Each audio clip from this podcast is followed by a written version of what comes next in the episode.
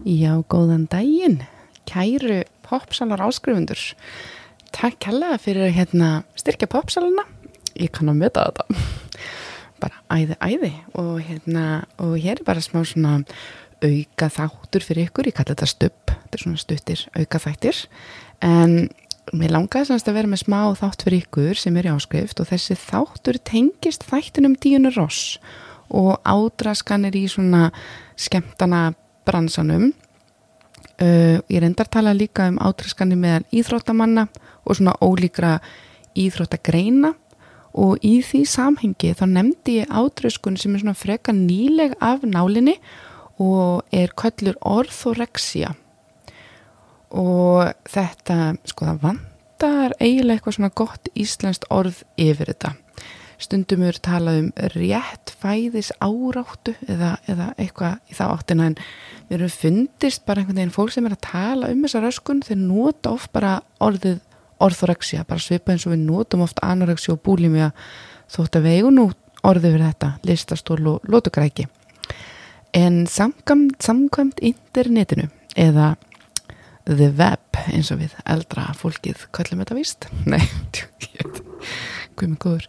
Þá er orthorexia átröskun eða svona rétt fæðis áráta sem er freka nýleg uh, og svona er svona bara nýlega farin að byrtast svona í umræðunni og hefur ekkert verið eins ábyrrandi eins og umræðun um listastóli eða búlimi eða eitthvað svo leis en þetta sem við kallum rétt fæðis áráta er uh, röskun eða sjúkdómur sem hefur ekki enn verið viðkend af alþjóðlegum samtökum geðalekna og er sem sagt þá ekki inn í þessum greiningakerfum sem ég er ofta að vísa í þessum þáttum eins og DSM og, og ECD þannig þetta er ekki komið í það.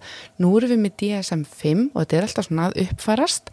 Þannig að mögulega er þetta eitthvað sem kemur í næstu svona kerfum, greiningakerfum en ég veit það ekki en sumi sérfræðingar eru samt farin að nota þessa skilgreiningu eða orð, orthorexia yfir fólk sem að er svona heldtekið uh, svona, já, eru með svona einhverja eru með heldtekna þörf bara, heldtekna þörf fyrir það að borða og innan gæsalappa og ég ger að gæsalappir hérna út í loftið, borða rétt.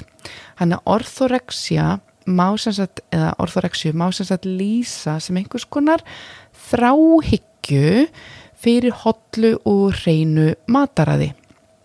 Og einstaklingar með orthorexju verða oft svona heldteknir af ákveðnum mataræði, ákveðnum kannski mat eða mataflokkum, af gæðum matarins og þeir leggja mikið upp úr því að undibúa máltíðir og það myndast svona mjög svona uh, þröngur rammi utanum hvað má borða uh, og ákveður svona minnstur í átt hegðuninni.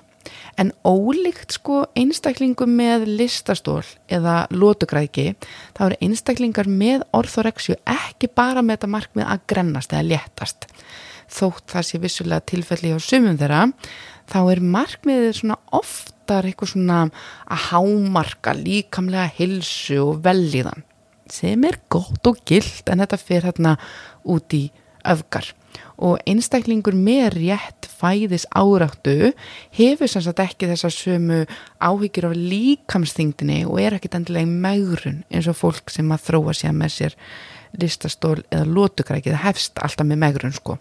Það er rauninni stærsti áhættu þakturinn fyrir þróun anoreksi og búlimi er bara að fara í maurun en matareglutnar hjá einstaklingum með orþoreksju þau snúast ekki beint um magnið eða kaloríunar eins og í hínum átröskunum heldur frekar um einhvers konar uh, gæði eða einhvers svona mjög stránga reglu sem þau eru sjálf búin að búa til í hausnum á sér sem eru sem sagt raukstuta með því að þau vilja borða svona náttúrulega mat eða reynan mat eða mat beint frá jörð, uh, mat beint frá jörðin eða svona ómengaðan mat eða eitthvað svo leiðis og þessi átröskunni miklu oftar sko tengdar við íþróttir. Og í þættinum sem að uh, ég tók upp um daginn um Díunur Ross þar sem að ég er aðeins að tala um íþróttafólk þá er ofta að tala um íþrótta átröskun líka í þessum rannsóknum. Hann er þetta svona þetta er svona átröskuna sem að fókusin er á hámarka þína getu. Og í rauninni bara miklu svona samþyktari af samfélagina því hún er svo ótrúlega lík því að lifa bara hotlu lífi skilji og mögulega getur verið brókslega eftir að greina þarna á milli. Hvenar ertu bara að lifa hotlu lífi borða hotla mat og hvenar er þetta orðið af einhvers konar þráhyggju